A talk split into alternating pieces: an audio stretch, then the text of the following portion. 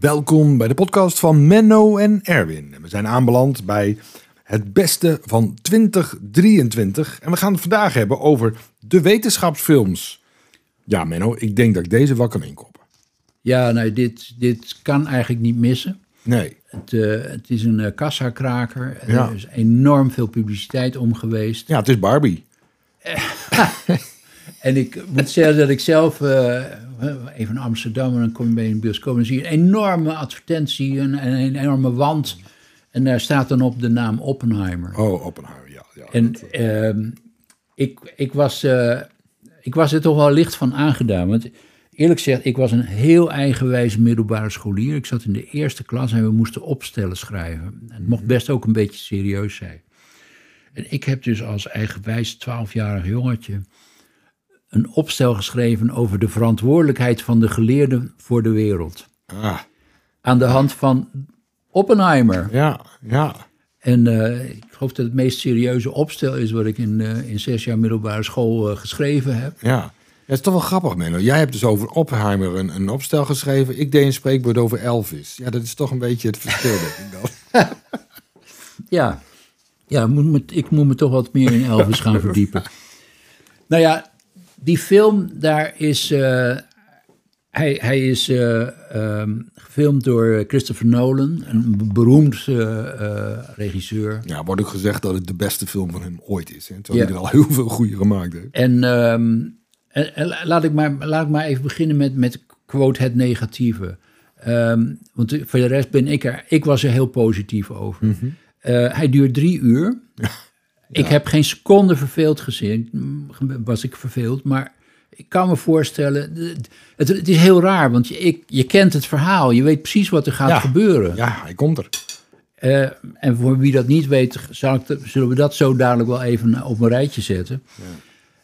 Maar en het wordt, die drie uur verveelt je dus niet. Maar het is op de een of andere manier toch wat bombastisch hier en daar. En dat komt Hmm. ook door de muziek. Er wordt ongelooflijk orkestpartijen tegenaan gegooid. En dat maakt het hier en daar wel ook wel theatraal. Ja, net, net te misschien. Ja, en dan, daar, nou ja, ik kan me voorstellen dat mensen daar eh, door afgeleid worden. En dan zijn er verder mensen, ja, dat vind ik voor een deel haast een beetje eh, komisch. Die zijn dan heel boos omdat eh, Einstein treedt ook op. Die, die speelt ook een rol in het leven van Oppenheimer. En ja. Ja, die wordt wel een klein beetje heel erg karikaturaal neergezet. ja. Ehm, Nou ja, dat vinden mensen dan niet goed. Nee. En, ehm, maar voor de rest ben ik eigenlijk wel heel enthousiast, want het zet van alles neer. Het zet een wetenschapper helemaal meer in met al zijn twijfels. Ja. Eh, zijn maatschappelijke positie, wat, hoe, hoe staat hij in politiek in het leven? Wat, wat, Ja. wat beweegt hem? Hoe autoritair is hij eigenlijk? Hoe origineel is hij? Wat is het voor iemand? Nou, al die dingen die, eh, die, die komen aan de orde. Ja. Want het leven van meneer Oppenheimer is wel heel bijzonder. Hij eh, kwam niet uit arme huizen. Hij studeerde in, eh, in, echt in topuniversiteiten. Eh 1906 geboren, studeerde in Harvard. Ging daarna naar Cambridge in Engeland. Ja. Ging naar Göttingen, naar Max Born, een, een, een wereldberoemdheid Ja, in de fysica. Ja. Even een uitstapje naar Zwitserland, waar Heisenberg zat. Dus hij, pra- hij praatte met alle groten van deze wereld. Ja. Ehm, in 1928 was hij in Leiden. Hm. Het is, hij was echt een heel intelligent persoon, want hij was niet lang in Nederland en toen gaf hij al in het Nederlands college Ja, als. Amerikaan. Ja, ongelooflijk. Hij heette, had zijn bijnaam Oppie. Hm. En er was een heel beroemde fysicus, Ehrenvest was een hoogleraar in Leiden. En daar, die ontving hem graag. Dan kwam Einstein op bezoek, Niels Bohr. Nou, alle beroemdheden uit de fysica kwamen langs. En dus eh, hij was nog niet 32 jaar oud, of hij, eh, hij was al hoogleraar in Berkeley. Ja, zat op. Caltech. Ja. Hij, was, ja, hij deed onderzoek aan de kwantumfysica. Hij zat dus echt in dat hele spannende deeltjesgolf, eh, ehm, ESMC kwadraat en de hele handel en, en onzekerheidsprincipes. Atoomgedrag, kernfysica, protonen, astrofysica, zwarte gaten. Het was een soort, eh, ja, alle aspecten van de, van de, van de natuurkunde, Ja. daar had hij wel iets mee. En dat, zo werkte, stond hij ook bekend in Berkeley, waar hij werkte met studententeams. Hij had de master- en phd-studenten, die, die zetten die aan opgaves. Nou ja, dat was een eh, bijzondere wetenschapper. ehm, waarbij je wel kan zeggen, hij, hij, hij vond alles leuk. Dus hij was niet echt super gespecialiseerd. Nee. Ehm, nou, Nee, want 1938... bedoel, kijk, jij noemt Bohr, jij noemt Heiselberg, jij noemt Einstein. Ja, die hebben allemaal eh, wiskundige formules of wat dan ook naar hem uh, Nou, maar dat gemaakt. heeft hij ook hoor. Er zijn. Oppenheimer-formules met, eh, met. Bohr samen. Ja. Hij heeft heel veel publicaties gehad waar Ja, hij ook ingewikkelde principes Maar, over... maar die ken, in- dat ken ik dan net niet, nee, zeg maar. nee, Ja. nee, het is iets minder, eh, eh, Ja. in, de, in ieder geval in de, in de algemeenheid gekomen. Mhm. Nou, 1938 is een bijzonder jaar. Dan heb je de kernsplitsing die eh, be- be- begint eh, los te komen. Ja, en dan komt, eh, eh, komt de Tweede Wereldoorlog. Ja. En ehm, dan begint al vrij vroeg eh, angst te ontstaan voor wat gebeurt in Duitsland. Ja. Omdat hij kent al die collega's en hij weet, en iedereen weet, dat ja, de, de, beste kernfysici die komen uit. Duitsland. Ja. Ja. En, ehm, en met die kernsplitsing, daar, daar ziet, ziet men ook al de potentie. Die hier, hier, hier kan je wat mee. Ja. En het is nog niet duidelijk hoe je dat precies moet doen, maar Ja. nou, en dan wordt dus in het leven geroepen wat bekend is gestaan als het Manhattan-project. Ja. Dat is een codenaam. En wat er gebeurd is uiteindelijk is dat er in eh, Los Alamos in New Mexico in de woestijn is in feite in, in niemandsland is een, is een wetenschappelijk stadje ge- ge- opgericht. Ja. Helemaal afgesloten. Waar geleer, helemaal afgesloten, door militairen bewaakt. Een eh, generaal was, eh, Leslie Groves was de, de, de, de, de, de feitelijke manager. Ja. En eh, ja, als een soort uni- universeel geleerde en, en, en een heel goede organisator... werd dus Oppenheimer gevraagd om daar wetenschappelijk de leiding aan te geven aan dat team. Ja. Opdracht, Maak maak, een militair aanv- aanvaardbare bom. Ja. Ehm, heel bijzonder is die plek, die, die kende hij al, want zijn broer had daar een farm, een range. Oh, oké. En, ehm, en zowel hij zelf als zijn eh, broer hadden wel wat linkse sympathieën. Hm. De broer was echt eh, ook eh, bij- aangesloten bij communistische bewegingen. Bij hem is dat een beetje onduidelijk. Eh, Oppenheimer had ooit TBC en hij heeft dat gecureerd op die boerderij van, van zijn broer daar in de woestijn de- van, van Los Alamos. Dus het was voor hem Ja, be- bekend terrein. Nou ja, dat is dus een gigantische operatie geweest met heel verschillende geleerden, allemaal verschillende specialiteiten, allemaal specialisten bij elkaar gezet. En eh, ja, het is dus in principe gelukt. In drie jaar tijd is het dus gelukt om Ja. een, een hanteerbare bom te maken. Eh, en in 1945 was dus de eerste explosie met de Trinity.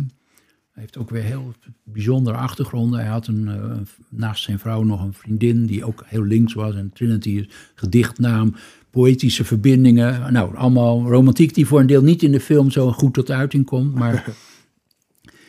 En het bijzondere is, die- ja, die militairen die maakten natuurlijk korte metten met het zaakje. Die Trinity, die explosie in, de, in die woestijn daar, was een succes. Ja, dus vol Eh, en soort van beheersbaar. De lange termijn gevolgen waren natuurlijk helemaal niet duidelijk.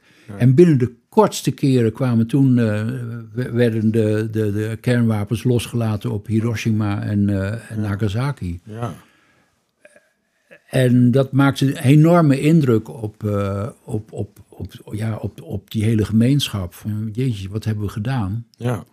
Ehm, inmiddels was ook al wel duidelijk geworden dat Heisenberg, de, de vooraanstaande fysicus in, in, in Duitsland, had eigenlijk een soort sabotage gepleegd om dingen niet verder uit te werken of te Ja. verklaren dat het onmogelijk was. Dus, nou ja, en toen begon het echt spannend te worden, want toen kreeg je dus een soort conflict, omdat eh, ja, geleerden in zijn team die, die gingen ook verder, en de- met name Teller, en die wilde de waterstofbom ontwikkelen, die nog veel krachtiger was. Ja.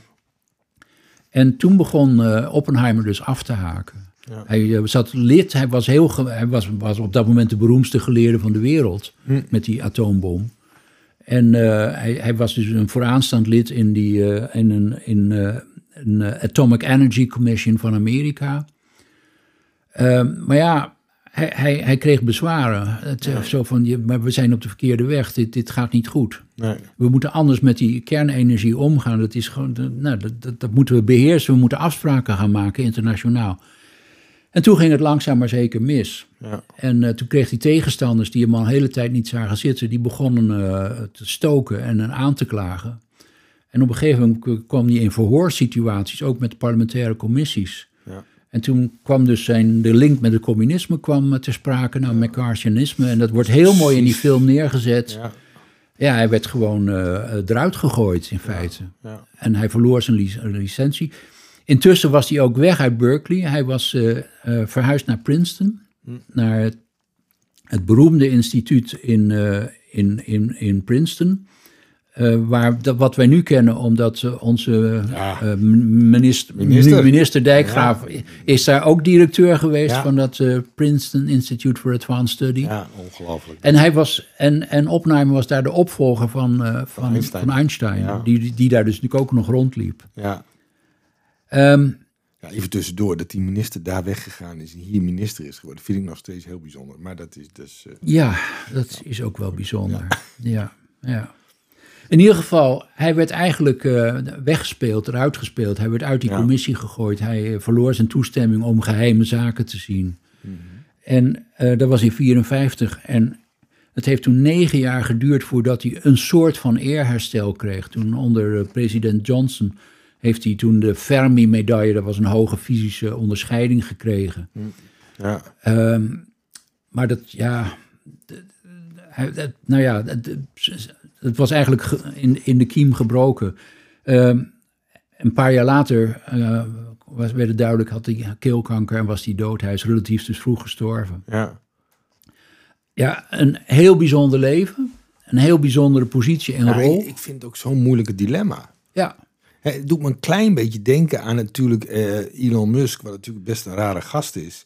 Die daar eh, satellieten in de aarde heeft, zodat iedereen eh, satellieten over de hele wereld internet kan hebben. ja, En in één keer in Oekraïne is het in één keer een geheim wapen geworden, wat hij helemaal niet wou, of wat dan ook of zo. En dan heb je ook beslissingen te nemen van, hey, hoe zit Ja, dat? nou? Dat ja. is, dat is, is Nou, natuurlijk dat anders is- dan dit natuurlijk, maar ja, ja, zeker. Want ik bedoel, dit zat natuurlijk toch in, in, een- in, in, een iets andere context. Meneer Ja. Musk is op de een of andere manier volgens mij zo'n losgelaten projectiel. Ja, nee, dat is, een, dat is trouwens En- ook een mooi boektip hoor. Dat moet iedereen die de interessant eh, Elon Musk leuk vindt, moet vooral het boek lezen van Walter Isaac. Die beschrijft dat geweldig. Nee, die heeft hele duistere kanten. Maar die zat ook met het dilemma dat hij eigenlijk gewoon satellieten verhuurde. En in één keer was het een oorlogsmachine geworden. Dat Ja, ja, was helemaal zijn bedoeling niet, zeg maar. En dan krijg je ook die beslissingen. Wat, hoe doe je dat? ja. Denk je nou achteraf dat Oppenheimer niet die bom had willen maken?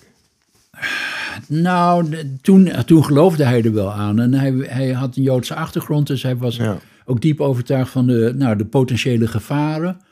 Ehm, Nou ja, en Ik, met de eh, dreiging van Duitsland die het wel doet, ja, ja, dat was natuurlijk. hoe, hoe, hoe eh, kan je daar, daar, daar moet je ook tegenaan. Ja, en het, maar, maar het is natuurlijk een. En, en laat ik zo zeggen, ze wisten eerlijk gezegd nog helemaal niet goed hoe beheersbaar het was. Ik bedoel, een van de opgaves van die mensen in, die, eh, in, in, in het Manhattan-project was om te kijken: kunnen we het überhaupt beheersen? Want als Ja. het een onbeheersbare kettingreactie wordt, Ja, ja, dan kan je het helemaal niet gebruiken. Nee. Dan vernietig je jezelf op het moment dat je het loslaat.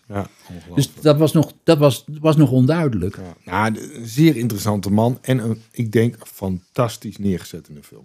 Ja, en eh, wat je dus ook heel goed ziet, en dat vind ik toch ook wel heel spannend, is eh, dat wetenschap een teamwerken is. Hè, dat je het alleen maar komt door heel verschillende mensen bij elkaar te zetten die een soort open dialoog aangaan. En hij was natuurlijk wel een drammer op een bepaald punt, manier. Ik bedoel, hij, ze hebben hem niet voor niks hem gevraagd. Ik bedoel, hij wist wel, een einddoel wilde hij wel halen. En Ja. zo heeft hij dus in zijn leven toch heel veel verschillende dingen kunnen doen. Gewoon omdat hij doorzettingsvermogen had. Dus ja, leiderschap op een bepaalde manier. Eh, maar ook natuurlijk het Dilemma's. teammanager Ja. op een enorm, een zo'n complex ver- verhaal. Ja. Maar er waren natuurlijk ook kanten, ja, de militaire kant had, kon hij natuurlijk slecht inschatten. Ja. En eh, nou ja. ja, nee, dus alle dilemma's, hoe wetenschap eh, ja, goed of niet goed kan zijn. Ja. Er zijn heel veel aspecten aan. Ik, ik weet wel, ik had vroeger een wiskundeleraar. En die, eh, die, die, die zat in, eh, in Japanse gevangenschap tijdens de Tweede Wereldoorlog. En die zegt, ik heb mijn leven aan de atoom dat te danken. Ja. Ja. En daarom ben ik ervoor. Ja. Er was altijd zo'n dilemma in de klas Ja. van jeetje, ja, ja, nou ja, die is Ja. niet te ontkennen. Nee. Alhoewel, er zijn later ook wel discussies geweest of Japan nou werkelijk zoveel langer door had kunnen gaan. Nee, Nou. dat is achteraf heel, eh, heel ingewikkeld. Allemaal heel ingewikkeld. Nou, fantastisch. We hebben een mooie filmtip, vind ik. Eh, Oppenheimer. Heb je hem nog niet gezien? Ga hem dan nog even zien.